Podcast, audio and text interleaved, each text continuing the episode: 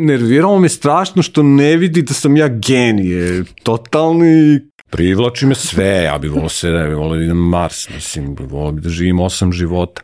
Tu sam video da se autorski radite kako isplati čak i u krizi, čak i kad traje neki rat.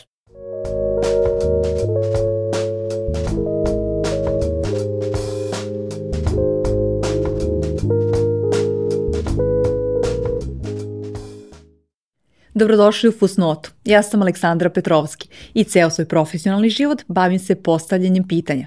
Najviše me zanimaju priče iza priča i logika iza razmišljanja. Sa tom idejom je nastao i ovaj podcast. Mecena Fusnote je zanatski pečena pražioničar kafa koja te vodi u avanturu aroma i jedinstvenog ukusa. A novi ambiko podcasta je Culke, globalni provider inovativnih usluga. Hvala im za ovaj vetar u leđa, a hvala i svima vama koji ste donacijama na Paypalu podržali dalje kreiranje Fusnote. Moj današnji gost je Vojno Dizdar. On je akademski slikar koji je završio u programiranju, čak i vodio tim koji se bavi razvojem softvera. Istovremeno, on je jedan od naših najboljih jazz fusion klavijaturista i kompozitora. Kaže da sve što se bavi, čime god da se bavi u životu, to je njegov hobi i da ga ljudi plaćaju da radi ono što voli. Kako mu tome uspeva, pokušat ću da saznam u narednih sat vremena.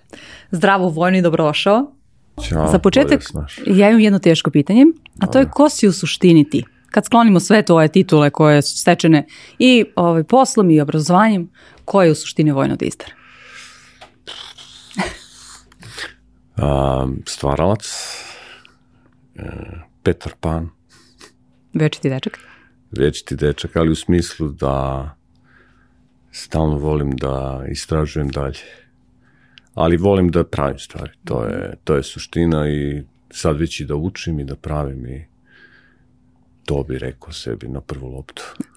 Meni je bilo interesantno i zato sam nekako te i pozvala, moram da priznam, to, što, to čime se ti sada baviš ne bi bilo toliko uh, zanimljivo, koji s jedne strane si muzičar, uh, s druge strane uh, u IT sektoru, ali da tvoje formalno obrazovanje nije slikarstvo, odnosno da nisi završio ovaj, akademiju. I jednom prilikom kad smo razgovarali si mi rekao da si to upisao da bi se bavio nečim drugim. I to mi baš bilo onako interesantno.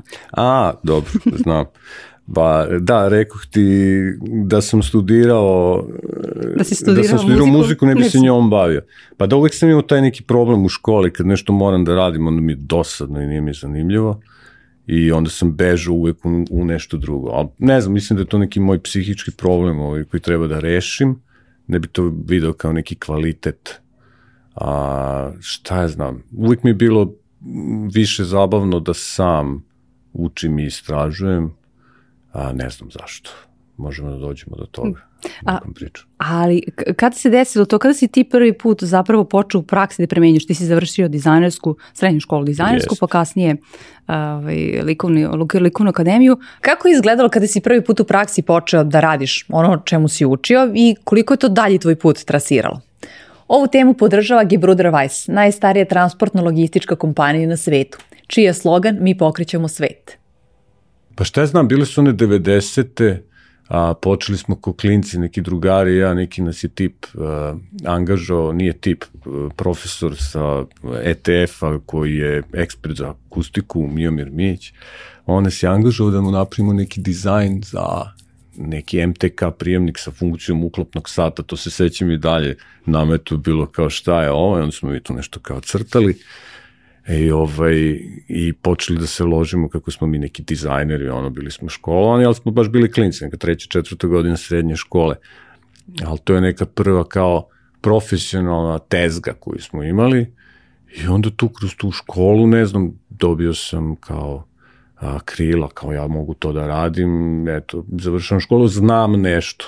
I onda odatle to krenulo, onda se vidio to ok, da napriš grešku i da kao izvučeš se sve u redu, uspeš da ga uradiš do kraja, to je, to je bitno i nekako smo mi to završili, naravno to je bilo potpuno amaterski, ovaj, kad sad gledam se bi to moralo mnogo bolje, ali može, uradiš i to je to.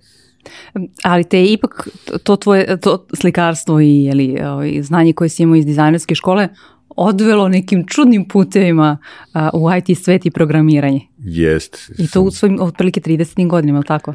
Blizu. A, pa da, od 2000-te sam počeo da crtam neke erotske crteže, ovaj, to sam uvijek volao da radim i onda sam upoznao neku ekipu koja je radila neke ove, te erotske porno, nije važno. Sajtuje, to je tad bilo moderno kao dobar biznis i oni su me angažovali da im nacrtam neke crteže i onda sam krenuo da im crtam te crteže, međutim, jedan dečko ovaj, krenuo da me uči programiranje, jer smo pravili neku kao video igru ja crtao, on programirao i onda mi on pričao, ja vidiš ovde mali ljudi odnesu variablu i to ti je to u stvari užasno jednostavno i nekako sam se zainteresovao i onda u 33. Ovaj, sam imao vremena, počeo sam da sviram sa Rambom i imao sam vremena, sam sedeo kod tih drugara u kancelariji s njima kao pravio igre i lagano, 8 sati dnevno sam sedeo i, i krenuo da učim to programiranje, nešto ja na kompjuteru, da probam ovo, da probam ono i iz crtanja postao jak programer preko igrica. E, I sada praktično, e, rekao si da kasnije kada si uči, krenuo da učiš šta je to ono, frontend i tako dalje, ti nije zanimljivo, ali zapravo kad si krenuo da praviš sajtove, rekao si ko, pa ovo je tako jednostavno. Da, u suštini programiranje je jednostavna stvar, ima, ima, samo je kompleksna ali ima jako malo naredbi, samo moraš da, da napraviš hiljadu nekih komponenti koje rade zajedno i da naučiš neke specifične situacije koje moraš da rešiš, ali u suštini samo programiranje je kompjuter je u stvari glup, ima vrlo malo stvari koje može da uradi i ti samo ređaš, ređaš, ređaš, u stvari fora u glavi da smisliš šta hoćeš, mislim, bukvalno je to. A ono što sam ti rekao je, sećam se da dizajn me smara. Da. I ako sam kao završio ovaj dizajn, u stvari se ne bavim time i shvatio sam da sam izašao iz priče i ne bi mogao to da radim sad. Znam da prepoznam kao dobar dizajn, ali ne mogu ja da ga stvorim I, znaš, gomila ljudi se nešto kao, ja sam car, ja mogu da prepoznam kad neko uredi nešto dobro, mislim, ja to uopšte ne cenim. Moraš da znaš da napraviš nešto dobro i onda, a ne, kao svi znaju šta je lepo, mislim, ali aj napraviti lepo, to je drugo. Tako da se time ne bavi. A koliko si ti, rekao si kao praktično si 8 sati dnevno vežbao i, i učio, i koliko traje taj period tada? Uh, mogu učenja programiranja? Tako je, tako je, da. Pa, Ta prva ruka. od 2005. do 2011. sam tu kod tih drugara išao, onda sam se sam odvojio i skupio petlju da, da krenem sam da radim, da nađem nekog klijenta i tako dalje i da promenim platformu na kojoj radim, nije važno. Pošto to što, na čemu sam ja učio programiranje su ukinuli, to je taj neki flash, nije važno. Uh, Ovaj, I onda sam morao da pređem na, na taj drugi programski jezik koji je basic u suštini, mm -hmm. koji bi trebalo da znam i taj drugar mi je rekao kao šta ti je, pa to je nebuloza, to ćeš da shvatiš lako i kad mi je rekao, rekao ajde da probam, sam imao sam neke svoje ideje i lagano uradiš tetki sajt, drugi tetki sajt i onda krene. A kako istovremeno um, si ti i muzičar, tako da da li tada ti je uh, muzika bila i primarni izvod prihoda? E, pa to mi je pomoglo, da, to je jako bitno, to mi je pomoglo da mogu da odvojim vreme da se ovim bavim. To je strašno važna stvar u životu, da staviš sebe, e, kad hoćeš da menjaš e, profesiju ili da učiš nešto novo, moraš da, da staviš sebe u situaciju da ti je komforno i da odvojiš vreme za to nešto drugo. Da ne razmišljaš da li ćeš da jedeš ili gde ćeš da spavaš i tako dalje. E sad, ovaj, u to vreme sam krenuo da sviram sa Rambom, to je bilo super, bilo je puno svirki godišnje i tako dalje, bilo mi baš udobno i imao sam sreću, uopšte ne znam zbog čega, da posveć, da ne blame, nego da posvetim svoje vreme učenju nečeg drugog što mi je bilo zabavno. E, to ne znam odakle mi. Da, e, istovremeno te crp, ok, vi imate i svirke i putujete s mesta A da. na mesto B, imate i neku probu uh, i slično, tako, tako da suštinski to je mnogo vremena, nije tako malo vremena, a uh, istovremeno je nešto gde moraš da budiš fleksibilan. Pa istina, ali kad si muzičar, svira se vikendom, probe su opuštene, ne treni jedna proba duže od 4 sata, mislim, zavisi u kom si bendu, ali ako je normalna ekipa. Mislim, čovjek može da radi realno 4 sata dnevno, ne, ono, sve jednu stvar, preko toga je gubljenje vremena. A ovaj, i onda sam ja radio ujutru, pošto probe su obično uveče, svirke su uveče, muzičari žive taj život i onda sam se budio ujutru i išao vam u kancelariju. Naravno, nemaš ti probe svaki dan da. tako dalje.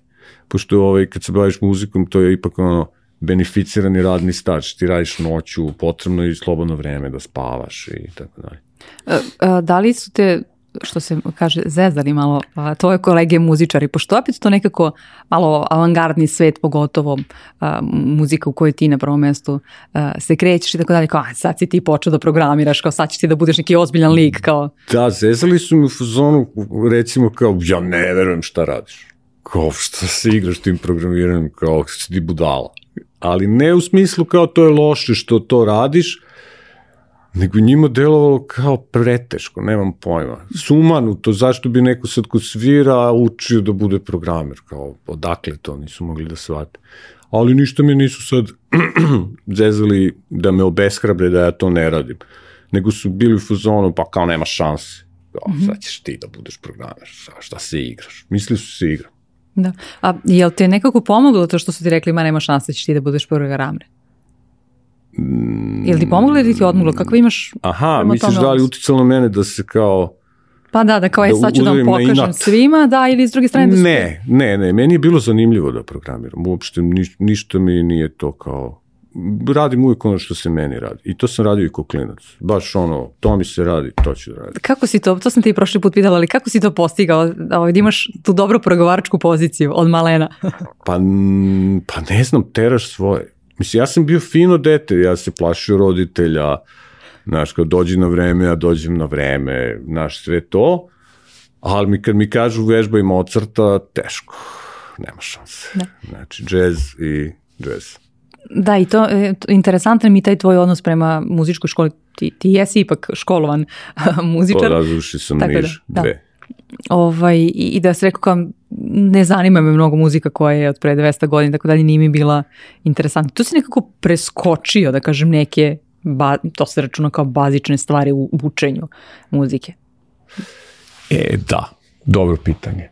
Pa tad sam imao utisak da je ta muzika bez veze da je dosadna, ali to je zato što sam bio klinac i to je potpuno normalno. I uvek mi smetalo u muzičkoj školi što moramo da učimo nekog tamo, otko znam, Chopina, Debussy, jer su one profanke bile oduševljene, kao još Chopin, znaš, kao Debussy.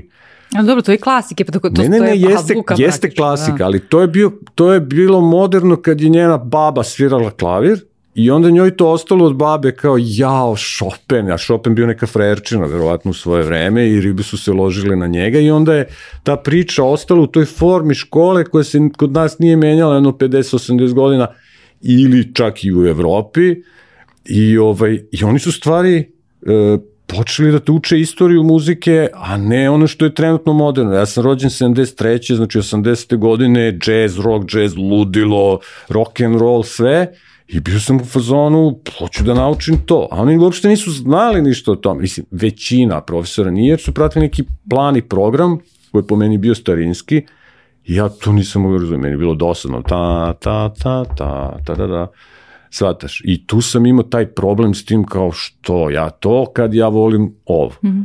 I onda sam to istraživo sam i bio u stvari loš čak. Kasnije sam ja shvatio da je i Mozart i Bach, da je to ludilo od muzike i shvatio čemu se radi i shvatio da je što je starije, to je bolje. Možda su ti na loš način predstavili zapravo. Ni, ma, nisu ni oni krivi, to je jednostavno bio takav neki program, gde kao nije holistički pristup ovaj, detetu, nego idemo, mora to, ko prođe, prošao neki filter glupi, a to se danas menja. Čujem neke priče tamo po Finskoj školu. Mm -hmm ovaj, da bukvalno puštaju decu da sami nađu šta im se sviđa i onda to. Nema da te tera sistem da ti ovaj, učiš šta mora.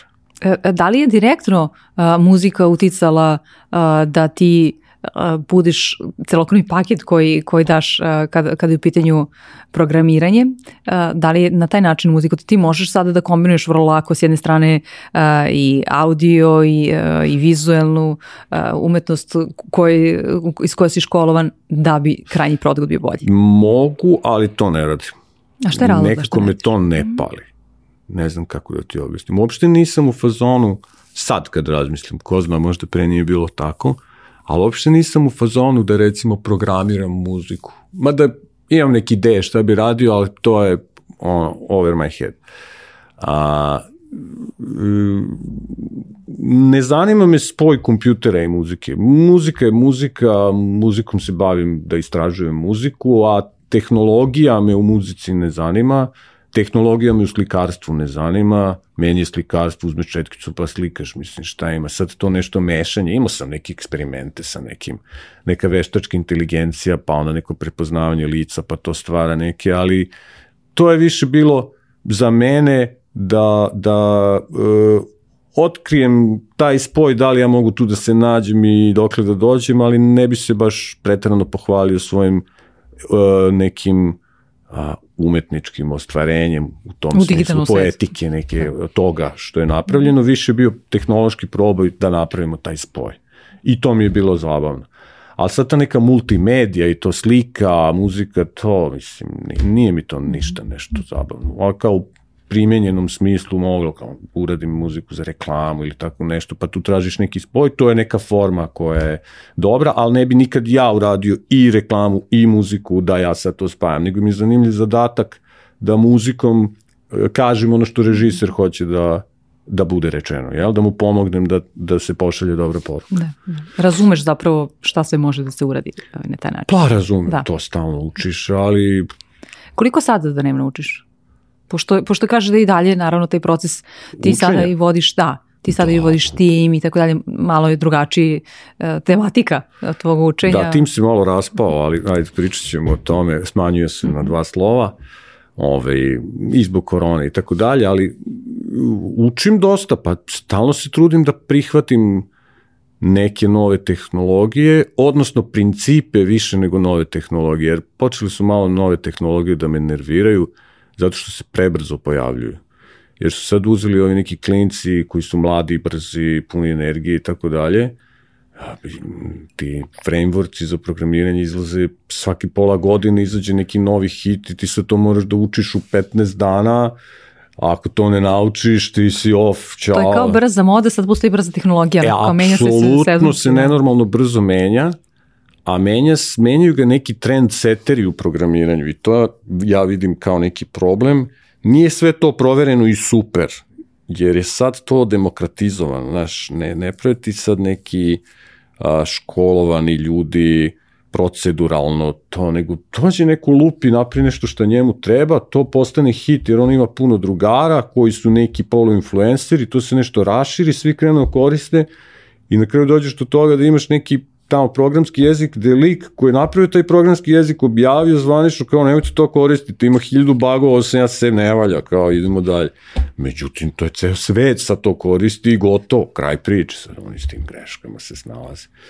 Tako da, ovaj, ne znam kako smo došli. Po, od toga da ipak biraš, da zapravo ovaj, više pratiš filozofiju koja stoji nego samu, da, same trendove. Da, više učim unazad. Uh, učim ka, isto ka Bahu, ka Mozartu, pa sad u programiranju, više učim suštinu kompjutera da bi mogao da, da e, bolje strukturiram e, svoje, svoje programe koji nešto treba da radi. Jer mi to znanje fali. Mm. Jer ti kad ovako učiš kao Krenu ja, ti krećeš od sredine. Ne, pa ne možeš baš od kraja, da.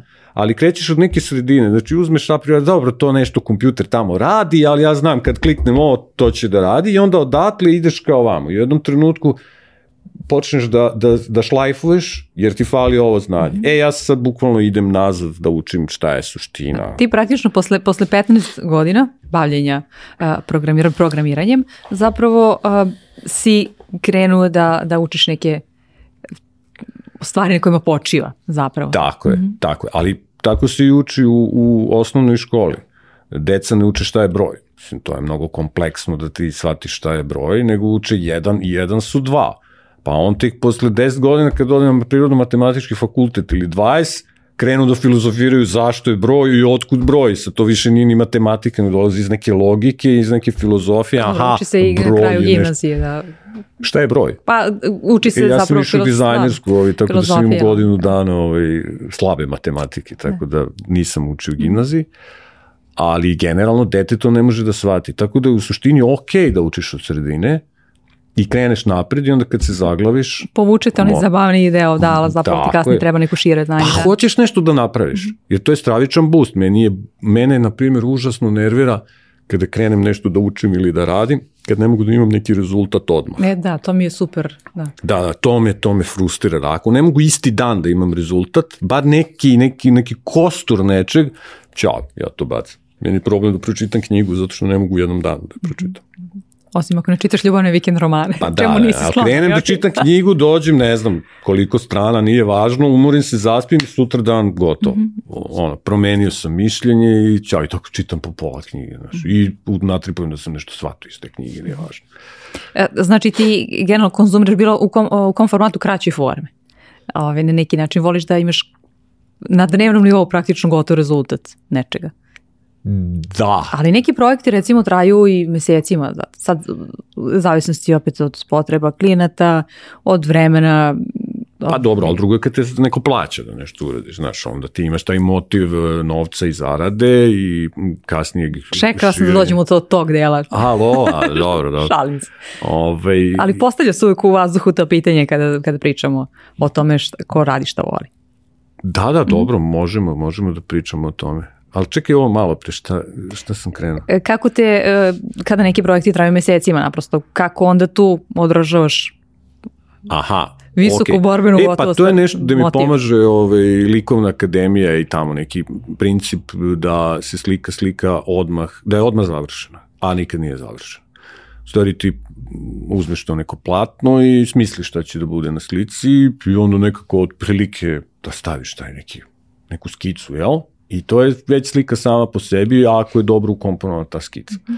I to pokazuje neku masu nečeg što ćeš da radiš ako je formalna neka slika. I ti odmah vidiš to što jeste. I onda kasnije bušiš, bušiš, bušiš, detaljišiš, detaljiš, ali kad crtaš nekog čoveka, ćeš staviti ovde je glava, ovde je trup, ovde je jedna noga, ovde je druga i to je sve od prilike. I tako postaviš i taj projekat koji će da radi šest meseci, kreneš od neke arhitekture, jel, napriš neki algoritam, moduli, ovo će bude ovde, ovo će da bude ovde, i onda lagano kreneš da radiš. I suština mi je da napravim da se odmah nešto vidi. Tako znači kao, pristupaš tome. Dobrodošli na sajt taj. Sad to već postoji. Sajt je tu i sad krećeš da ga detaljišeš. I na taj način onda se vratiš sutra, prek sutra i onda ga i onda napraviš segmente gde svaki segment kad završiš imaš taj, taj lepi osjećaj da si nešto završio. I ako to fino iscepkaš, onda nije šest meseci, nego je šest meseci malih uspeha svakodnevnih gde si nešto uspeo da uradiš i završiš. Tačno, i tu mi pravi problem kad mi se otegne na dva, tri dana e, jedna stvar. Onda se izgubim, zaboravim gde sam, znaš, ode mi glava. E, ali koliko generalno procentualno ki kažeš da se dešava nekada, koliko uspevaš da pratiš taj svoj e, sistem koji si razvio u glavi, makar kako, kako ti to izgleda. Tog cepkanja Pa na tako sitne, je, da. pa uspeo. A je to samo u tvojoj glavi? sam da razmišljam. Da, a, ovaj, a dok, dok nisi to sveo na automatizam kao što sada, je li to samo koncept u tvojoj glavi ili to postoji nekako ono zabeleška pa čak i tvoj bez obzira da li klijent traži ili ne traži kao ha, uh, iscepkaću taj projekat na, na, na više manjih i onda tako radim. E, Pa, znaš kako sam došao do toga s neke druge strane, aj možda će biti lep odgovor na to pitanje. A, kad sam učio ove ispite psihologija, filozofija na fakultetu koji nisu jel, vezani za crtanje i koji nisu opušteni, ono kao što moraš da učiš, Ovaj, naravno, učio sam ispit za tri dana, jel, kao i svaki student, što je okej. Okay. I onda sam krenuo da čitam, uvek krenem da čitam knjigu od početka i shvatim posle šeste strane da ću da umrem jer mi je ostalo još šesto nekih strana, nemam pojma o čemu se radi dalje i nemaš, e, nemaš scope, kako se kaže scope na srpskom, nemaš e, sliku koji put treba da pređeš. I ti sad kad kreneš na put, a ne znaš koliko treba da pređeš da umreš, kao pitaš se jel ovde ima milijardu koraka, ja ovo ne mogu, umreću, bit ću gladan i žedan. I onda sam uzao, ne znam kako mi je to palo na pamet, uzao sam, otvorio sadržaj, učio sam neku, na primjer, psihologiju ili tako nešto, i otvorim sadržaj i krenem, pošto je ispit sutra, krenem da vidim šta znam, šta ne znam, kao da vidim šta sve ima u knjizi. I onda prvo sam krenuo one velike naslove i kao, aha, ovo bi moglo da bude ovo, ovo mi liči, no, ti razumeš te velike naslove, da. I kao ta, ta, ta, i onda odem, proverim tamo i onu prvi, prvi blok, prvi paragraf. I ha, to je to, ovo sam znao, ovo nisam, ja vidiš što je zabavno, ne čitaš dalje. I onda krećeš one podnaslove. Rekao, ajde vidim sad podnaslove i kada analiziraš podnaslove sa, sa tim velikim naslovom, onda si u fazonu, kreneš da povezuješ stvari. Aha, ovo je to, ovo znam, ovo nikad čuo, nema veze, nisam čuo, ovo bi moglo bude to, pređeš tako sve pod naslov i kreneš njih da čitaš njihove prve paragrafe. I u stvari nekako čitaš knjigu odjednom. Ali za pet minuta ti imaš uh, celokupnu sliku šta ćeš videti u toj knjizi i onda više nema nema koliki mi je put, znaš koliki je put. Kad pročitaš sve te podnaslove male, ti si u suštini već pročitala knjigu, samo nemaš detalje. I onda, u zavisnosti od vremena koliko imaš, sitniš te detalje i čitaš u svakom tom i možeš da ih povezuješ, da vidiš šta ima veze, zašto je šta u knjizi. I taj sam ispit dobio možda sedmicu i čovjek bio u zonu, pa kao, dobro ste ovo shvatili, nemate pojma, ali kao, jasno vam je, ne znam kako, sedam, rekao, pff, sedmica. Za tri dana solidno, da? sam čak i osmicu dobio. I, ovaj, I onda sam počeo da primenjujem taj fazon, znači da, da jer provali se šta je ljudima problem. Ima ona kriva utiska znanja, znaš šta je to? Da, e, Kruger, se neka, nalaziš, da. neka kriva, da. Prvo imaš utisak da znaš uh, sve, da ti je Što sve jasno, onda to a, da. padne u, kako se zove, neka dolina očaja. Da. E, i tu gomila ljudi padne. I odatle kreće kriva kad kreneš da učiš, ako si zadrti, ako ostaneš da učiš, a vrlo brzo tvoje učenje kreće da ubrzava eksponencijalno. I ako izdržiš taj prvi period koji je obično jako kratak, dobiješ taj boost da vidiš da je sve brže i brže i ti na kraju krećeš da ovladavaš i jako brzo dođeš do prof, da, da si profesionalac, a svi misle da je e, e, ta kriva linearna. I onda se smore, misle da će svaki dan isto tako sporo učiti, isto tako sporo i odustaju. I to je nešto što bih želeo da poručim ljudima, da u stvari samo treba malo da se izdrži da vidiš da je to krivo. Da, koliko nekad to traje uh, dva sata dok ti učiš tu knjigu, nekad traje i po nekoliko meseci dok ti ne kreneš da se penješ po toj krivoj. Pa dobro, ali... U zavisnosti od oblasti tu, koje, tu, tu naravno, je da. bitno da napriš prioritete u životu, E, ne moraš svaku knjigu skroz da pročitaš, nije bitno. Gomila stvari treba da se uradi ovlaš u životu. Mislim, to je neka moja filozofija. Dovoljno dobro. I sam će život da te natera na to da ti neke stvari uradiš jako detaljno. To je zato što te život prihvatio da dođeš tu i dao ti je priliku da se sad time baviš 24 sata dnevno. I ti ćeš silom prilika, bez ikakvog mučenja i ono, grejanja stolice, ti ćeš radići to kao što sam ja muziku svirao, svirao, svirao, svirao, to samo izlaze, e, sami izlaze ti detalji, sam naučiš bez da nešto kao e, podvlačiš tekst i, znaš, nema toga, ništa, to sve ide s lakoćom. U stvari, sve stvari moraju se desiti s lakoćom. A kako ti osjetiš da neki ljudi su stvarno detaljisti, ovo što si ti rekao, i u nekim stvarima koje su možda za njih nebitne, ali kao ono, odlaze, ono, pročitaju celu knjigu, a, a suštinski možda nije potrebno. I kako si ti to procenio šta ti u suštini nije, nije previše bitno. Ok, tebi je taj, taj ispit bio bitan da prođeš ispit, da se ne vučeš Jasno mi je. 50 puta. Dobro pitanje. Op, opušten sam, baš me briga, što bi rekli, bole me dupe.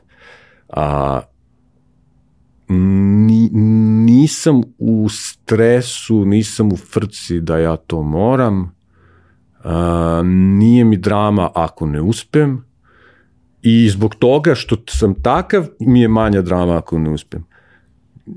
Ne smeš previše napora da u- ulažeš u bilo šta. A šta znači kad kažeš, šta, kako ti definišeš to previše napora?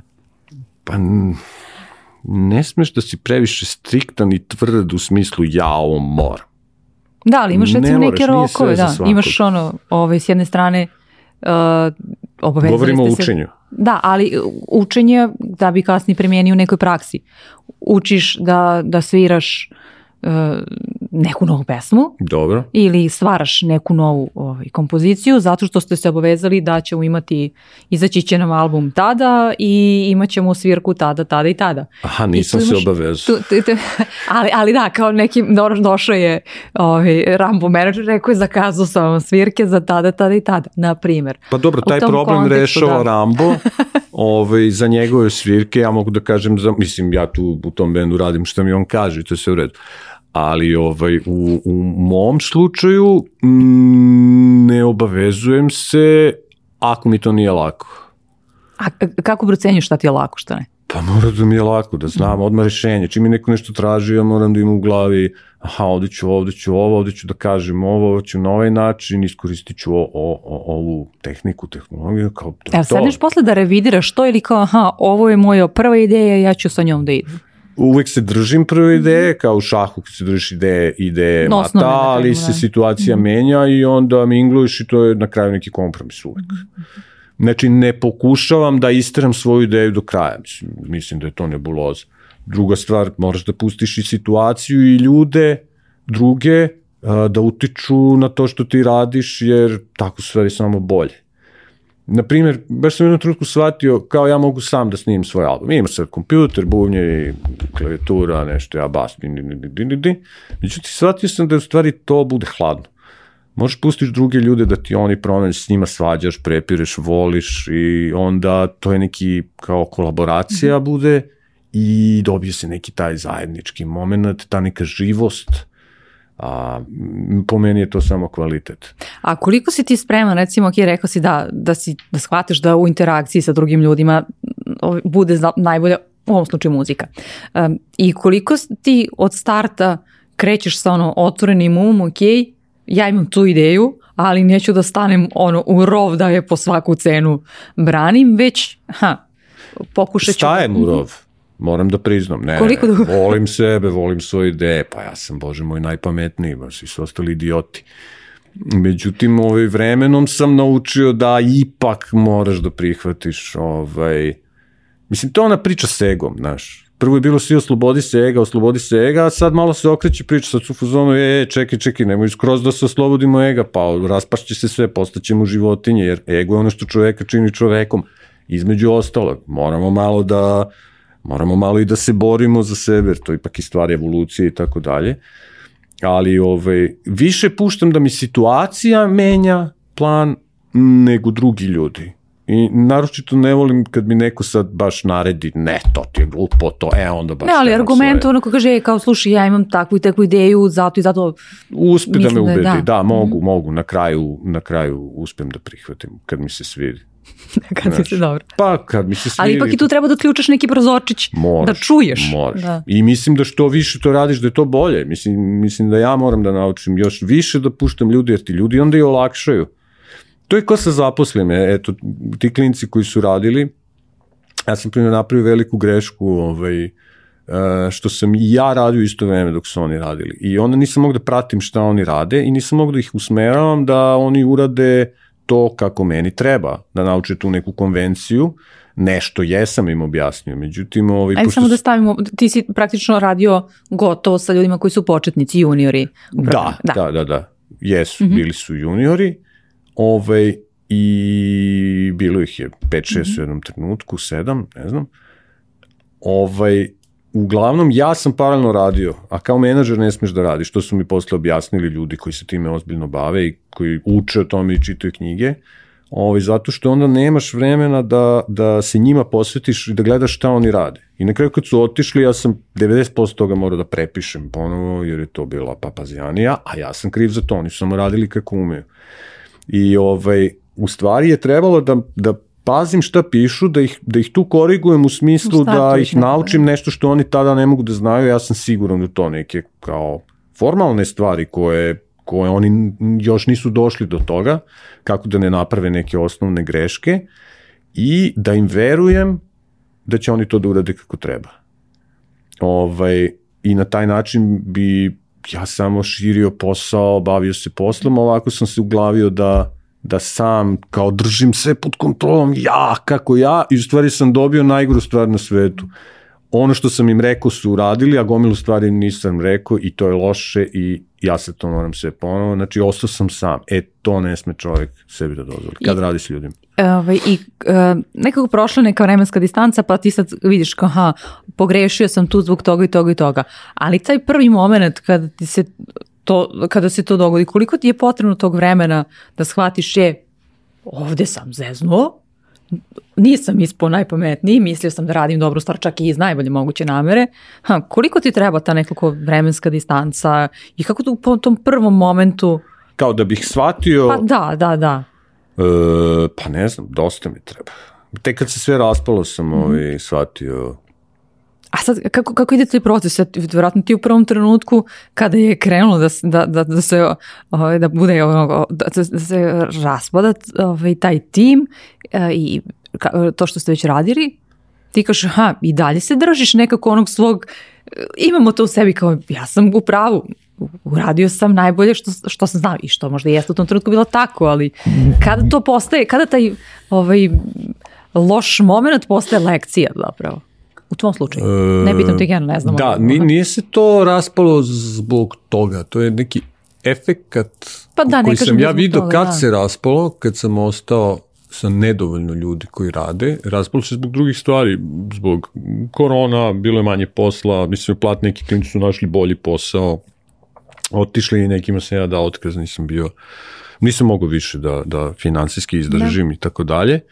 Ovaj, ali generalno nije to bilo ono zašto se raspao posao. Možda da je bilo posle, možda bi ja vremenom uspeo ne, ali to da naučim. Mo, mogu si možda biti bolji sad s ovim znanjem, si mogao ovaj, i pa, sve bilo bi imao bolje. Da. drugačiji da. pristup, sad bi imao drugačiji pristup i mislim pokušavam da ga imam sa ovom jednom curom koja radi. Ovaj, učim i dalje, ali ne znam, teško je, tu, tu stvarno nemam pojma, to učim i dalje, evo to je neka nova stvar koju učim, samo pitanje da li ću i koliko ću uspeti da se održim da, da i dalje to učim, da li će mi to biti neki fokus u sledećem periodu u životu, ali za sada radim na tome. A kakav je sad tvoj stav? Da li uh, si i dalje kao, aha, ja ako se ukaže prilika želim da opet imam i da ja vodim neki veći tim ili si nalazim drugi način Možda je meni dobro i ovako. Želeo bi da imam, ali ne bi sad ulazio u to pre nego što se ja malo um, pa možda čak i obrazujem vezano mm -hmm. za, naš, da se da odradi neki kurs ili, jer sad vidim da mora. Mm -hmm. Ne može sve čovjek sam da shvati jer m, košta puno vremena. Ovaj, moj brat je ozbiljan organizator, bavi se politikom i tako dalje i on mi priča neke, on čita knjige o tome, vodi puno ljudi, ozbiljan tim, ozbiljne stvari rade i vidim kad mi ono ispali par fazona, ja vidim da je to iz knjige, da je on to naučio i da to radi i to su ono, pet generacija pre njega je neko pa da. napisao kako se to radi i zbog čega, on je to prihvatio i njemu ide. Uh mhm. -huh. A ja sad tu nešto se sam ložim, mislim rad s ljudima ipak nije individualno slikarstvo ili sviranje, ja tu mogu da radim šta hoću i tu mogu tako da lelujam, Ovde ne može, jer možeš i da napraviš... Ali ipak ti e, privlači to, iako si dao. Pa privlači me sve, ja bih volio se, ja bih volio da idem Mars, mislim, volio bih da živim osam života, ali, ovaj, ali tu baš e, možeš da napraviš problem i ljudima koji rade za tebe. I tu mora da se pazi. Moraš baš ozbiljno da paziš šta radiš. I kako da ih motivišeš, i kako da se oni osjećaju bolje, i kako da postanu bolje, a da ti ne odu uh, a, jer si onda izgubio si dobrog radnika, moraš ponovo da učiš nekog i tako dalje. Pa onda drugo, taj skok na sve boljeg i bolji klijent, odnosno sve bolji i bolji posao, to su uvek problemi, pa sad ko će to da radi, kako će da radi. Mislim, baš je, baš je komplikovano. Taj menadžerski posao je bukvalno posao za sebe. Um, a reci mi, kakav bi ti bio da imaš uh, istu osobu kao što si ti zaposlenog? Da. Kako bi se sa njim izborio? Uf, ja. Čekaj, verovatno bi se šutno odmah i otkaz. Kakav bi ovaj, vojno, uh, vojno šef bio, odnosno vojno zaposleni uh, bio ovom koji je vojno šef? Ko bi tu izvuko pa, Vojno zaposleni je razmaženi radik malo. Mislim, ja mogu da potegnem, ja mogu da se trudim, ja ću da budem tačan i tako dalje, ali ovaj, ako ja nisam neko ko tu rešava problem, nego dobijem rešenje koje samo treba da recimo napišem ili uradim, onda mi o, pada mi entuzijazam i ne mogu počinjem da mrzim to što radim i nije mi zabavno. Da, ali eto recimo s druge strane e, kažeš da kada su u pitanju ne naravno celo tvoje bavljanje muzikom, ali da kažeš ok, imamo ono kao, ja radim šta mi, u ovom slučaju Rambo, koga smo spomenuli, da. spomenuli već deseti put, ali kao, ja radim šta mi Rambo kaže. I sad kao, pa, tu, imamo, tu imamo dve ono, podvojene ličnosti. Da pa, imamo mislim, podvojene ličnosti. on mene plaća da mu radim posao neki, mislim. Naravno da on traži moje ideje i da. sve živo, ali opet to je njegova neka priča glavna, on tu ima, stavi šapu na sve to, to mora da bude tako. Zato što on ispred On je frontman, da. On je frontman, nema, nema zezanja, mislim, mi smo tu da, kao da radimo muziku za film, a on je film, jel? E, sad nema šta, moramo da ispričamo On tu čak nije ni priču. glavni glumac nego je film. Pa to, pa da. da. E, ja sam prošli put kada smo pričali i ostala mi je baš onako uh, upečatljiva rečenica koju si spomenuo, uh, a da ti je rekao tvoj deda, sa koj, koji ti je, da kažem, kako si mi jasno čuvao praktično, sa kojim si odrastao, uh, koji je rekao, govorio tebi, nisi ti Picasso. I da je baš onako ostavilo ovaj, ta rečenica, da kažem, traga na tebe. Pa hajde ispričaj nam malo detaljnije o tome. Pa da, e, ne znam, sad to rešavam na psihoterapiji koju sam krenuo baš. I to je ovaj, dobro, da. Da, da, da, jako je zanimljivo to, međutim, shvatam da, ovaj, kad je on to meni govorio, a, nije me upropastio time. On, me, on je mene nervirao što mi to govori, jer sam znao da to nije Koliko tačno. ti tad imaš, ok, da, e, ti si tada, koliko godina imaš tada? Pa to ti ono pubertet, kreneš da se ložiš da ćeš da napraviš svemirski brod i da ćeš da letiš i da ćeš da budeš najbolji slikar na svetu i crtač i muzičar sve. I on je tako meni pustio, kao ajde idi uči matematiku, dosta toga, kao nisi ti Picasso, kao nisi ti, on je bio u fazonu, nisi ti te sreće da budeš Picasso. Tako sam ja to razumeo. Međutim, nervirao me strašno što ne vidi da sam ja genije. Totalni kao deda kako ne vidiš. On stvari normalan čovjek, jasno mu je kako izgleda život i time je hteo da mi kaže da me Ili radi nešto konkretnije možda. Da, da ne? me nauči da možda ja neću biti u ulozi u kojoj je Picasso. Ovaj. E, Možda sam čak to ja tad malo i shvatao. Ali me nervirao što, što ne veruje u mene. Naravno, puno je verovao u mene i to je pokazano na hiljadu drugih e, mesta u životu, ali to me baš me onako bo, malo me izezlo. E, međutim, to me nije nateralo da, odustam, da odustanem. Naprotiv, i onda sam još čvršće, kao, e, sad ću da ti dokažem da vidiš ka, ka, ko je Picasso, ko nije Picasso. Mm. Naravno, to mi je ubilo ambiciju da se predstavim kao Picasso. Nikad nisam voleo da se predstavljam, to baš skoro nešto razmišljam o tome. Neka tema mi je da sad ja u stvari ništa ne tražim. A, ne bavim se samo promocijom, jer mi je to nešto bez veze. Neki ljudi to rade i opravdavaju to na raznim nekim, na razne načine, ali ja sam stava da ti u stvari treba da radiš ono što radiš, pa ako to treba ljudima, oni će doći da te pitaju da im ti to daš, prodaš, predstaviš, nešto će da se desi. I sad meni se u životu nešto dešava i sad to nije Wembley u Londonu i koncert za 100.000 ljudi, ali ima, neko me treba, neko me zove i to isto se dešava s lakoćom, bez nekog mog upiranja sad to mora. E sad možda je ta dedina rečenica ovaj, doprinela tome, ja ne znam da li je to dobro, ne znam da li bi rekao ljudima nemojte da se samo promovišete, ne znam, ima raznih mišljenja, ne mogu tu da sudim, ja jednostavno to ne radim. Ovaj, A da li si još uvek ok sa tim? Apsolutno sam srećan u životu i osjećam se dovoljno ostvareno. Znači ono što sam hteo kao klinac, to mi se u stvari i. Sve su mi se želje ispunile, ne, ne znam kako da ti objasnim. to sad onda kao gledaš kao sve su mi se želje ispunile, možda zato što, je rekao si kao, ono, želiš da ležiš na mesice, tako dalje, kad imaš, zato što, uh, jel se onda zaplješ kao, ha, da li su mi se sve želje ispunile zato što ja nisam želao previše, ili poklopile su se kockice, pa ono što, što je možda bilo i kao nekako veliko, si ipak ostvario. Kako posmatraš to? Pa znaš šta, meni se dosta toga ostvarilo u životu. Kad bi sad ja tebi ispričao i postavio ovde sve, neko bi rekao, uje, malo ga pretara. Ok, znači kao sad nije bio taj Wembley ili s druge strane tvoje slike nisu u momi, ako Da, računamo da, ali momu u kao mom referenc, da. okruženju, ono što je bilo moguće da se desi, sve što mi je bilo moguće da se desi, meni se to desilo. Znači, te neke formalne, kada svede želju na abstraktnu stvar, u stvari mi se to desilo, Mhm. samo to nije Wembley, nego je koncert na tašu, Da, ali možda, možda bi zapravo, da, možda je tvoj unutrašnji osjećaj bio bolji na, na koncertu na Tašu nego ovaj, sve okupno. Pa ne, nego bio. ja nisam da. iz engleski, nego imam koncert na Wembley, mislim, potpuno idiotski, samo što je, sad eto mi imamo naš taš, pa ću ja da sviram ovde, ali ne moram da odem baš tamo, Da, zašto okej. centar sveta, ne pričamo engleski, to je sad druga priča, nije važno.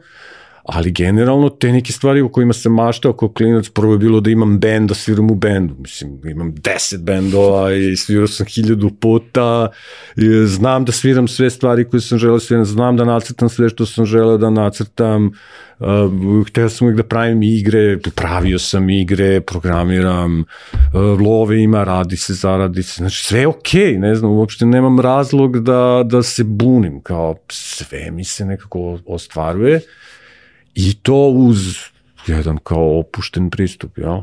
Jer se na kraju siguran sam, kad si iskren u tome što radiš, sve se sigurno desi. Nema šanse da ti radiš ono što voliš, da ti to ne uspe. Ali ne to da doživi uspeh, pa sad tebe da zovu na televiziju da pričaju kako si ti strašno uspešan. To ne, to je budalaština nego nema šanse da ti ne bude lagodno ako radiš ono što voliš. E, si uvek da, uverovao u to? Jesam, da. O, da koliko ono, se, koliko na nivou svakog da dana praktično. Ali A, ne, ne govorimo ono kao kad si, haj, govorim recimo kad završavaš srednju školu pa tog momenta. Jer si uvek verovao svakog dana u to? E, da, Ima kad sam imao, kad sam imao prvi band, nisam bio svestan toga, kad sam, ali sam se tako ponašao, uopšte ne znam zašto nekako, mislim, možda bi se moglo, ono, roditelji su me ubacili neku situaciju da ja mogu ipak da se bavim muzikom i da eksperimentišem, znaš mislim, morao sam da radim, neku, Keva imala neku firmu, pa sam i nosio kutije, ali to je bilo više Dobro, pro neko je forme. počeo sa gajbicama nekim. Tako je, pa da. tako je, ali generalno sam imao klavir, imao sam mogućnost da, i vremena da tako s nekim ortacima nešto tu sviram i pokušavam, a da ne zaradiš novac i roditelji nisu bili u fazonu šta se baviš glupostima, nego kao, idi to radi, jel? I mm, stalno sam verovao u to da ja treba da radim neku bolju muziku, muziku koja se ne služa, koja ima neke više nekih a, a, umetničkih, akademskih vrednosti u sebi, a da nije ono neka tezga da bi uzo pare, neki pop hitovi, jer mene to nervirala jednostavnost toga me je ubijala u pojam. Nije to loše, nego samo za moj ukus previše jednostavno, za moj senzibilitet. I ponavljajući da, da. Da, da, da. I drugo, bavi se tekstom, ja sam, mogu da kažem, nenačitan. Nisam u fazonu da me tekstovi pale, sad nešto provaljujem da je to velika, uh, veliki hendikep, ali ne može čovjek sve. I, ovaj, I uvek sam išao ka tome da se ne radi za lovu, da se ne radi ono što se publici sviđa, nego da radim ono što se meni sviđa, što mene pali. I onda sam imao konflikt s jednim kolegom, on je bi fazonu, njemu je trebalo lova za stan, on je bi fazonu, ali ne mora tu, tu, tu, tu, tu, kao, daj da sviram ovo jednostavno ovo, od, od umetnosti se ne živi. I onda je došao neki drugar od drugara, kolega, režiser, ovaj, sedeli smo nešto na piću i on kaže, e, ljudi, kao, nemojte da razmišljate o parama, samo radite ono što želite, pare će da dođu, sigurno. Pa mi smo tad bili klinci, imali smo možda 21, 2, 3 godine, I on kad je to izgovorio, meni je sinulo kao, pa da, ovaj čovjek je u pravu. Da, ali ti, I... to je se da dešava 90. godina. Tako je. Ako sam dobro jeste, da. Tako je. Kada, jo, mislim, ako, ako postoji opšta erozija, to je ono moguće, na taj način. Ako postoji opšta? Ako postoji opšta erozija Aha. ovog društva, to je onda baš uh, taj moment.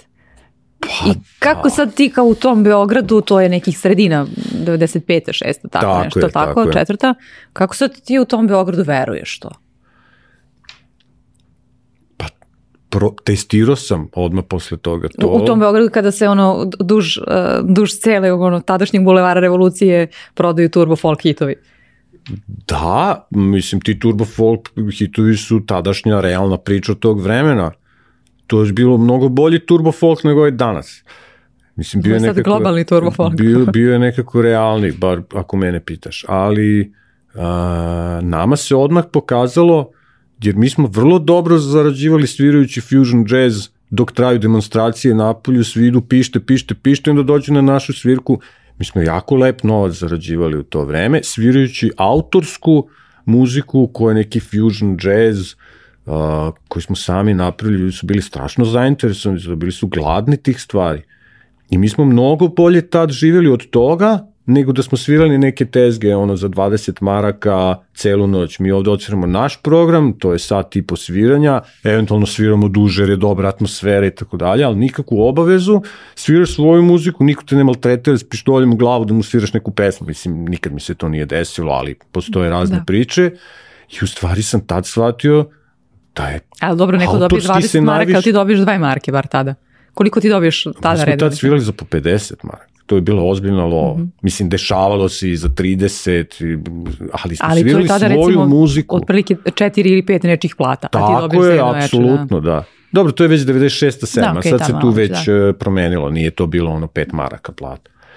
Ali ovaj, tu sam video da se autorski radi kako isplati, čak i u krizi, čak i kad traje neki rat tu, znaš, bolje je, a drugo radiš što voliš. Znači, imaš i korist da radiš ono što voliš, napreduješ ti kao osoba i e, i zarađuješ dobar novac. Znači, nema apsolutno nikakvog razloga da ne veruješ u tu priču. Ali, da, to je jedna ne, predrasuda. ali ne dođeš odmah do tog trenutka uh, da imaš, imaš svirke na kojima dobro zarađuješ. Pristojno. Moraš puno da vežbaš. Ja, puno da sad treba da, džabe. i da izguraš taj, taj moment. To me zanima. E, da je- da je dođeš entuzijazam, do, pa tako da je, da. dođeš do pa znaš šta, mi Ti si došla do našli, nekog okruženja kao, hej, ovo je sad meni cool.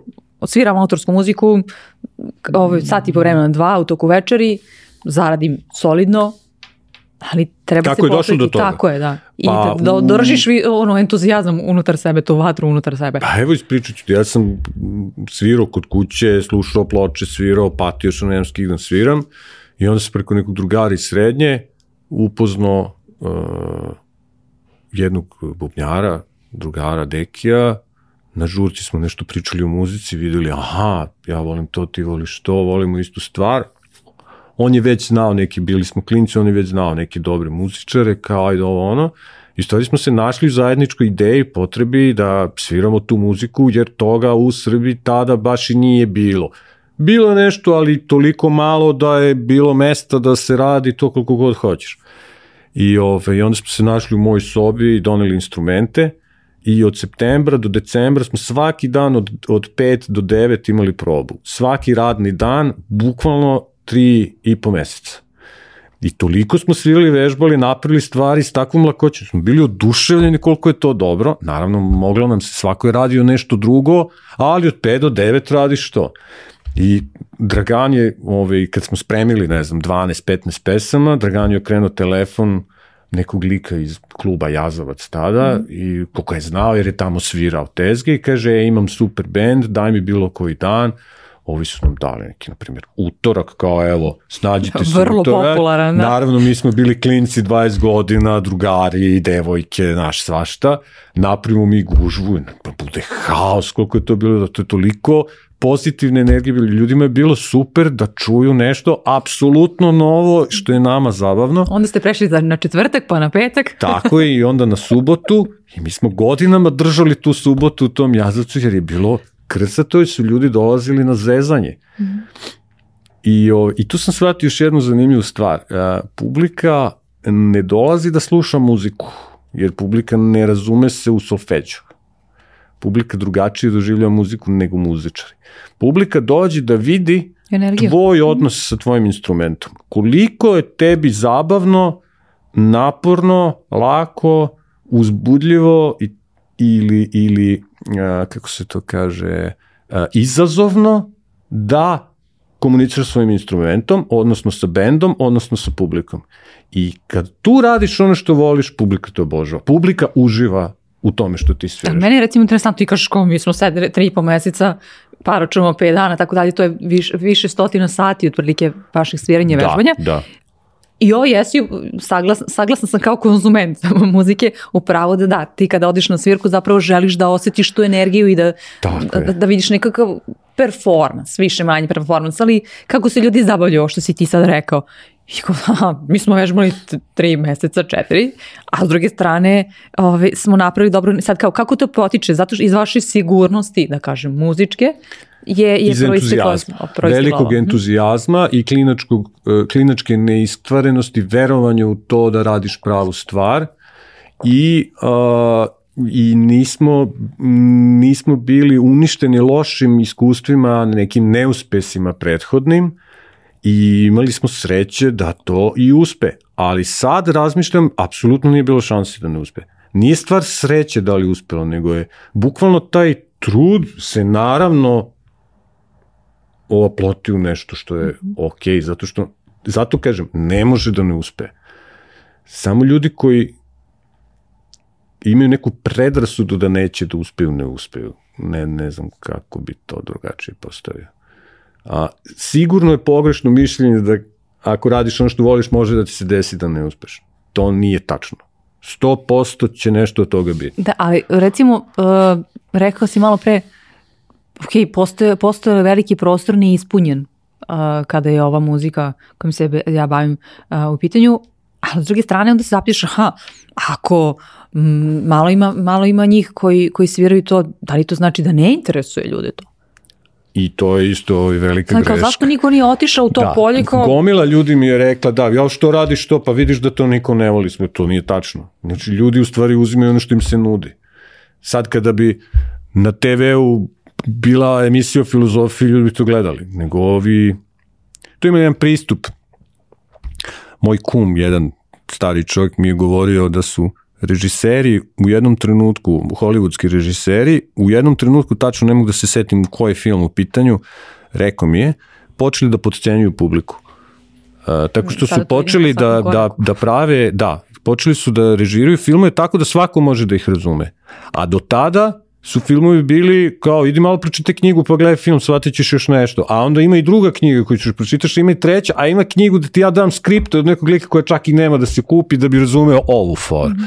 I onda su ljudi tako istraživali I, I sad se dešava to, to podcenjivanje publike sve više i više, da stvari sad stvarno su došli na nivo idiotizma, mislim, ja ne mogu da verujem. Ali zašto smo došli do toga? E, da, ovaj, pitala sam te kao, a šta ako ne postoji dovoljan, odnosno se niko ne bavi time Aha, misleći tačno, da ne postoji publika. Tačno.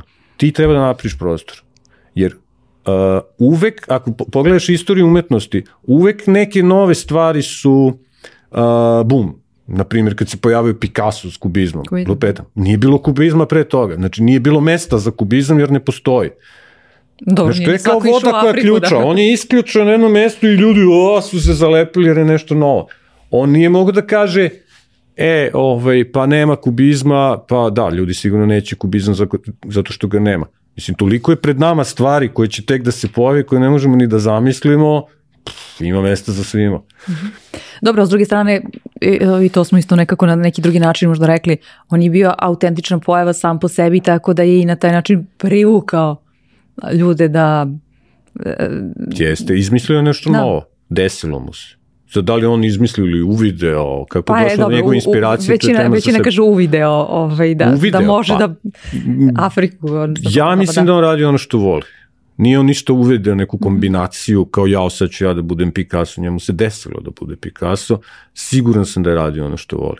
Možda on kasnije krenuo nešto folija da je pravi frajer od sebe, ali i to je bio novi koncept, da slikar bude frajer koji se tako malo zeza okolo i sprda s ljudima, i, i da se svi oni pale na to. Možda on jedan od prvih koji to radi, mada ima nekih primjera u Grčkoj sigurno sa onim Diogenom i tako dalje. Moram da ti priznam da ja nisam baš ljubitelj uh, Picasso ne iz ugla njegov, njegove umetnosti, nego iz ugla njegovog ophođenja prema ženama, ali to je neka druga A, dobro, potpuno to je, ovaj, tema. Vreme. Tako je, da, A, ali više recimo volim Dalija, ovaj, kao, kao nekoga ko je eksperimentisao i pravio razne ludosti. Ali da, da zatvorimo taj deo o slikarstvu, da. pošto ne znam ni deseti deo koliko ti, tako da ti nisam ravnopravni sagovornik. Nisam ni u muzici, moram da priznam. Ovaj, Ma jesi, ali... samo priči svog ugla, sve u redu, svi ljudi mogu da pričaju samo, ti detalji nema veze. Um, ali hoću da te pitam, evo, pred sam smo kraj, rekao si jednu tvoju lekciju da, da se desilo da, da se smanjio posao zbog ovog ili onog razloga tokom pandemije. Um, šta je suštinski, jer neminovno da se poslednje dve godine ovaj svet koji poznamo promenio, šta je suštinski nekako tvoja lekcija, šta se, šta se uh, tvoj, tvoj ugao gledanja šta je promenilo poslednje dve godine? Pa, više slobodnog vremena, jer sam imao problem, vrlo sam agresivno se bavio time da radim što više, da imam što više para i što više obaveza, onda me to dovelo do, imao sam onaj breakout, kako se kaže? Burnout. Burnout. Burnout. Sindrom sagorevanja na srpskom. Apsolutno. I onda sam malo i potražio pomoć, nije bilo ništa strašno, ovaj, pomogli, brzo sam se vratio na noge Međutim, tu sam nači, naučio i još iz nekih primjera koje sam vidio da u stvari ne treba puno da se radi, a, u stvari ne treba puno da se želi, ne treba puno da se hoće. Više da se hoće, treba da se želi, ali ne treba da se hoće. Ne možeš sve, a, ne možeš sve probleme da rešiš i uh, u koroni sam se potrudio da putujem što više, da odmaram što više, da naučim da radim što manje i kad sam počeo da radim manje, počeo sam da završavam više. Ne znam kako se to desilo, ali poslednja stvar koju ću da uradim je da sednem za kompjuter da radim. Prvo misliš u glavi, misliš ovako ću, ovako ću, ovako ću, ovako ću i mislim moj posao na kompjuteru, ali ovaj, krećeš da završavaš stvari samo u trenutku kad znaš a, kako ćeš da ih završiš.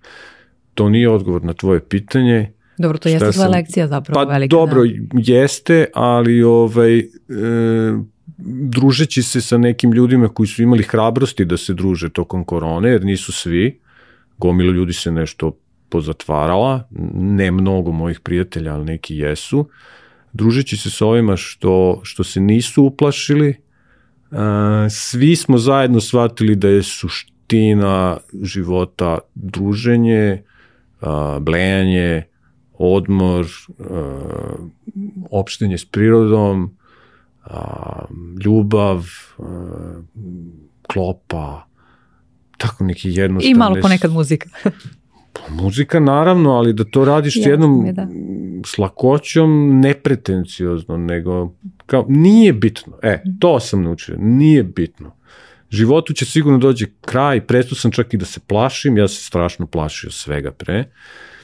Ovaj, presto sam da se plašim jer sam u jednom trenutku shvatio nemam čega se plašim, sigurno ću da umrem. Mislim, nema šta, ništa neće ostati za mene, a, čak nemam decu, ako budem imao decu i oni će da umru i jednog dana će sigurno i seme, da, znači ne, ve, neće biti zemaljske kugle, potpuno je sve jedno. Da, ali imaš recimo uh, dobar deo ljudi je ih upravo ta, uh, ta pomislena konačnost uh, nekako uh, tera da urade još nešto više za svoju dušu, ne, ne da, budu, da bude to što je nešto što je gledalo bilo koga drugog, nego kao aha, postoji neka konačnost, ja zato želim da komponujem to i to da ostavim tu, tako to da je u redu, muziku, ali to su neki, uh, ja to sad gledam kao na neke uh, lokalne, lokalizovane boostove koji meni čine da se ja trenutno osjećam dobro. Kao napravio sam nešto i onda kao uf, happy sam jedno mesec -hmm. dana.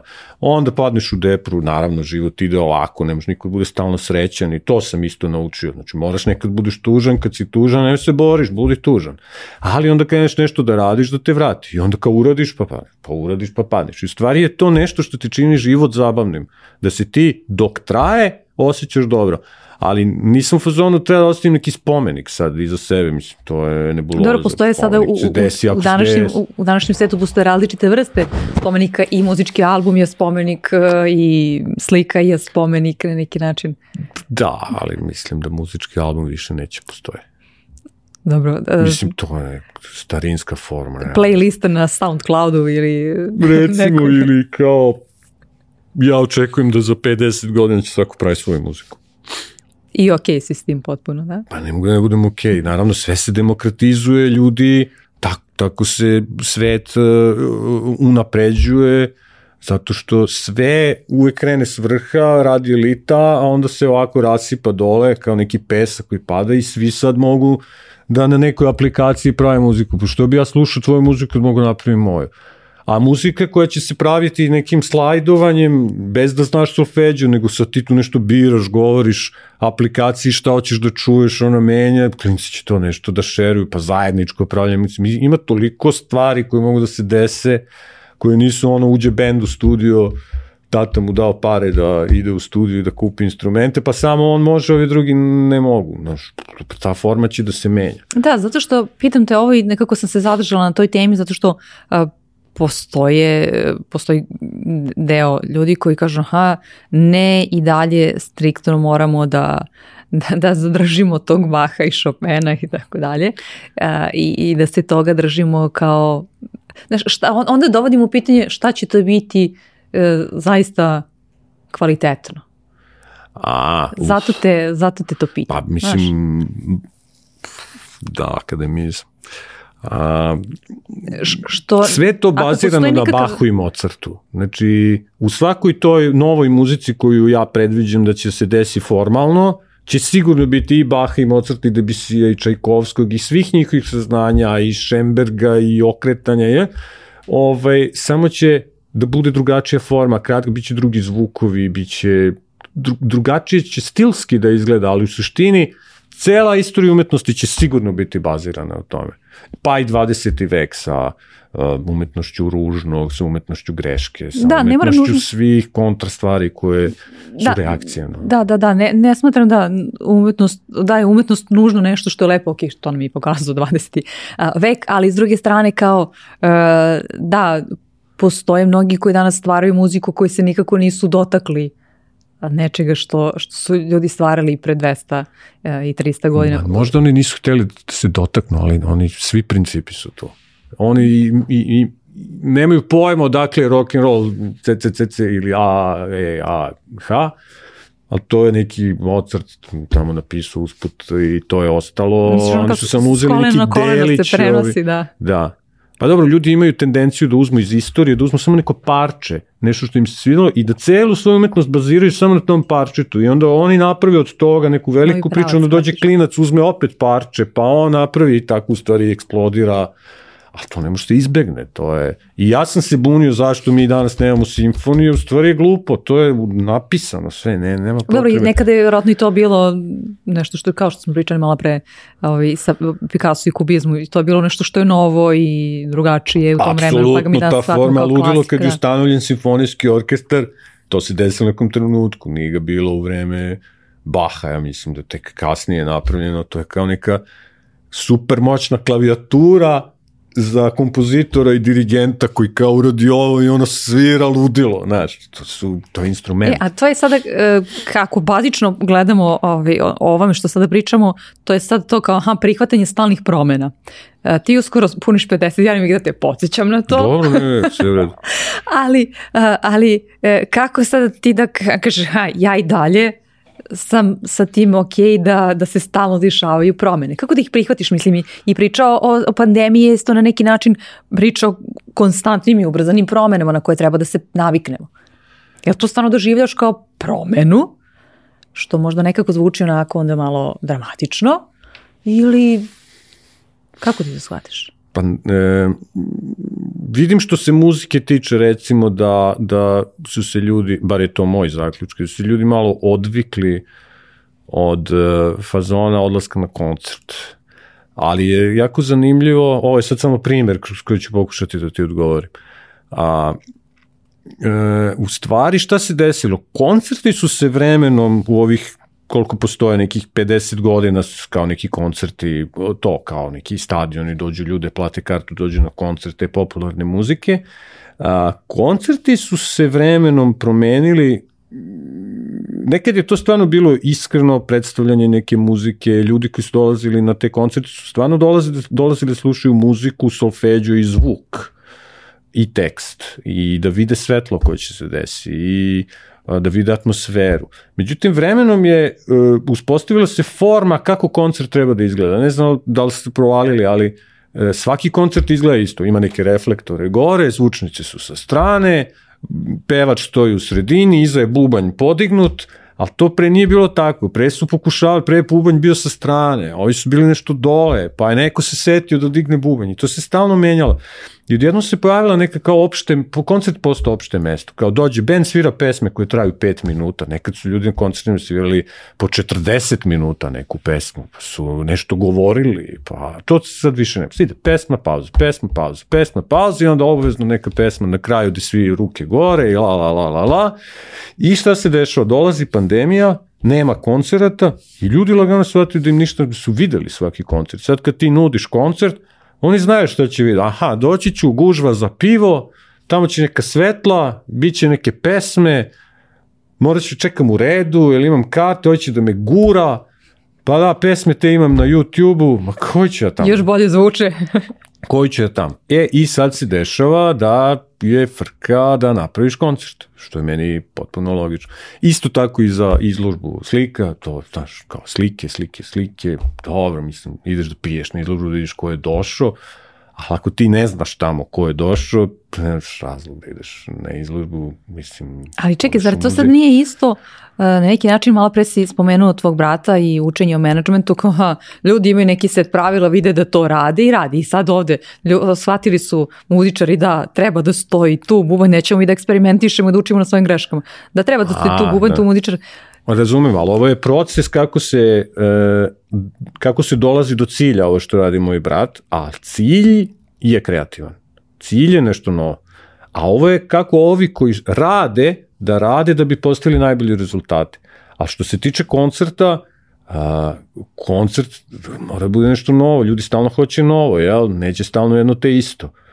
I u tom smislu moraju bendovi da provajduju nešto novo. Ali pitanje je šta, jer nema više šta. Svetlo je potpuno definisano, zvuk potpuno definisan, levo zvučnik, desno zvučnik, stereo, neki bas binovi, nije važno šta se tamo mora da bude da bi to svi čuli, ali pre 30, 40 godina su ljudi dalje otkrivali kako da to nameste da svi čuju, Dobro, hoću, kako da. da dobiju taj zvuk koji je veliki glasan, pa su neki elektroničari izmišljali nove kutije veće, a to sad sve proizvode kinezi. Da. A, um, ok, um, hoćeš da kažeš da je koncert kao takav, kakav danas poznajemo, dostigao neki svoj plafon i da treba ponovo da se samo izmisli.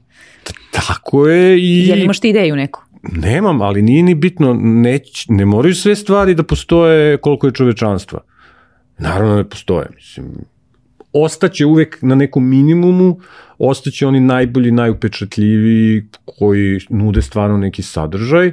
Da, ali neće to biti a priori mesto gde ljudi idu kao sigurno idem na koncert da će da bude ludilo. Ne, pojavit će se neke nove forme, ove aplikacije. Ja sam pitao ove decu što su radili kod mene, koji idete vi na koncerte? Oni su bili fazonu, ne, mi slušamo muziku ne, kao, na TikToku. Bili su u fazonu, zašto? Ne, kao, ne treba mi to u životu. Uopšte ne vide to kao nešto gotivno. Mm -hmm. Sad neki klinici idu normalno i tako dalje, zavisno od vaspitanja i uverenja i tih stvari, ali... Pa je zanimanje, je interesovanje. Nama je svima bilo ludilo da odemo na koncert, kao naravno da ideš na koncert jer kao idem da slušam taj zvuk, a sad tog zvuka ima da hoćeš. Mm -hmm. Tako da, ovaj, um, i tu mi je okej okay za promene, počeo sam da vidim da, da klinci vole nešto novo što mi ne razumemo i ne moramo da razumemo nije važno, treba samo njih da pustimo da evo, uživajte, pravite vi šta, šta, mi imamo svoje, vi svoje. Pa jest. E, ovaj, pošto ipak ima prostora da ti nešto novo uh, naučiš. Uh, u znak zahvalnosti što si bio moj gost danas. Uh, i poklanjamo ti Krojačeva škole i ja uh, jednogodišnji pristup online platformi, tako da ima tamo i tih tako kurseva iz mekih veština, koji kao smo, smo pričali da, da ti u ovom trenutku nešto što je sledeći nivo, uh, to, to mu dođe uh, vojno 5.0 recimo, Dov. kao sledeći, sledeći da, nivo, da, da. je li tako? Uh, tako da uh, javit ćeš mi šta si to, šta si to novo naučio naučio, a svi ljudi koji prate uh, ovaj podcast uz fusnota promo kod imaju 20% popusta. I još jedno pitanje imam za kraj koje sam nekako izostavila, a svakom gostu postavim, a to je bez kojeg znanja ili veštine ti danas ne bi bio ovaj vojno sa kojim ja sada razgovaram? Jel ima to jedno nešto što te je nekako ključno oblikovano? Bez kojeg znanja i... Ili veštine, šta god, ovaj, ne, ti ne bi bio ova osoba danas koja jesi. Ili možda čak i osobine, neki gosti da, su da, da. rekli kao, odgovarali kao osobina. E, dozvoljam sebi da grešim.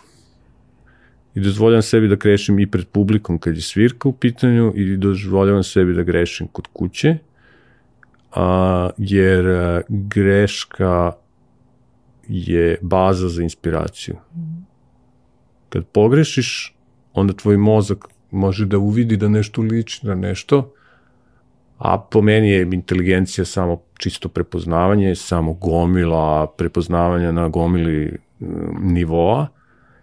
I u tu kad napriš grešku uvidiš neš, neku novu kombinaciju, a ljudima se sviđa kad mogu da prepoznaju nešto što nije to što su do sad vidjeli, ali da ovo liči, mislim o, kre, o kreativnom tom mm -hmm. govorim, ovaj, s tim što to isto može da se primeni i na programiranje i na bilo koji posao, jer svaki je posao negde kreativan, jel? Samo je pitanje na kom nivou je kreativan i kao i možeš kreativno i da rudariš sigurno da izmisliš neki, neki novi fazon da. aha ako ga odavde on će brže da izađe manje će se mučim većim znaš i poljoprivredi nemam pojma ovaj, tako da u stvari je osobina gde sam ja sebi iz nemogućnosti da odsviram nešto tačno kad sam bio klinac ili da nacrtam crtež koji nema svinju, mi zovemo svinju ono fleku kad, kad napriš grešku, to je svinja. Iz te nemogućnosti bio sam u fazonu, ok, ajde, ja ću sad da grešim, jer ne mogu da odustanem samo zato što grešim. I iz te greške, taj neki eksperiment, nešto mi se desi, neka inspiracija koja me inspiriše da pravim nešto novo i mislim da je otud ovo sve što radim i otud nemam strah da, da, da probam nešto novo i da radim, jer u suštini sve može. Samo. Pa i ovo je na neki način bilo, ovo je bilo prvo tvoje snimanje podcasta ovaj, kao takvog. Možda smo negde napravili neku grešku, ako jesmo. Nismo, ovaj, nismo Mislim, bili smo fenomenalni. Bio si super sagovornik i hvala ti na tome. Hvala. Ja se nadam da ste i vi koji pratite ovo bilo kroz video ili audio formu nešto novo čuli i naučili. Ako jeste, ostavite komentare dole, vojno će se javiti da vam odgovori. Ne smem, ja to ne gledam. Nikad ne gledam Ne čitam komentar. Šalim se, pogledaj. I hvala na poklonu i hvala na pozivu. Uživo sam, kao i prošli put.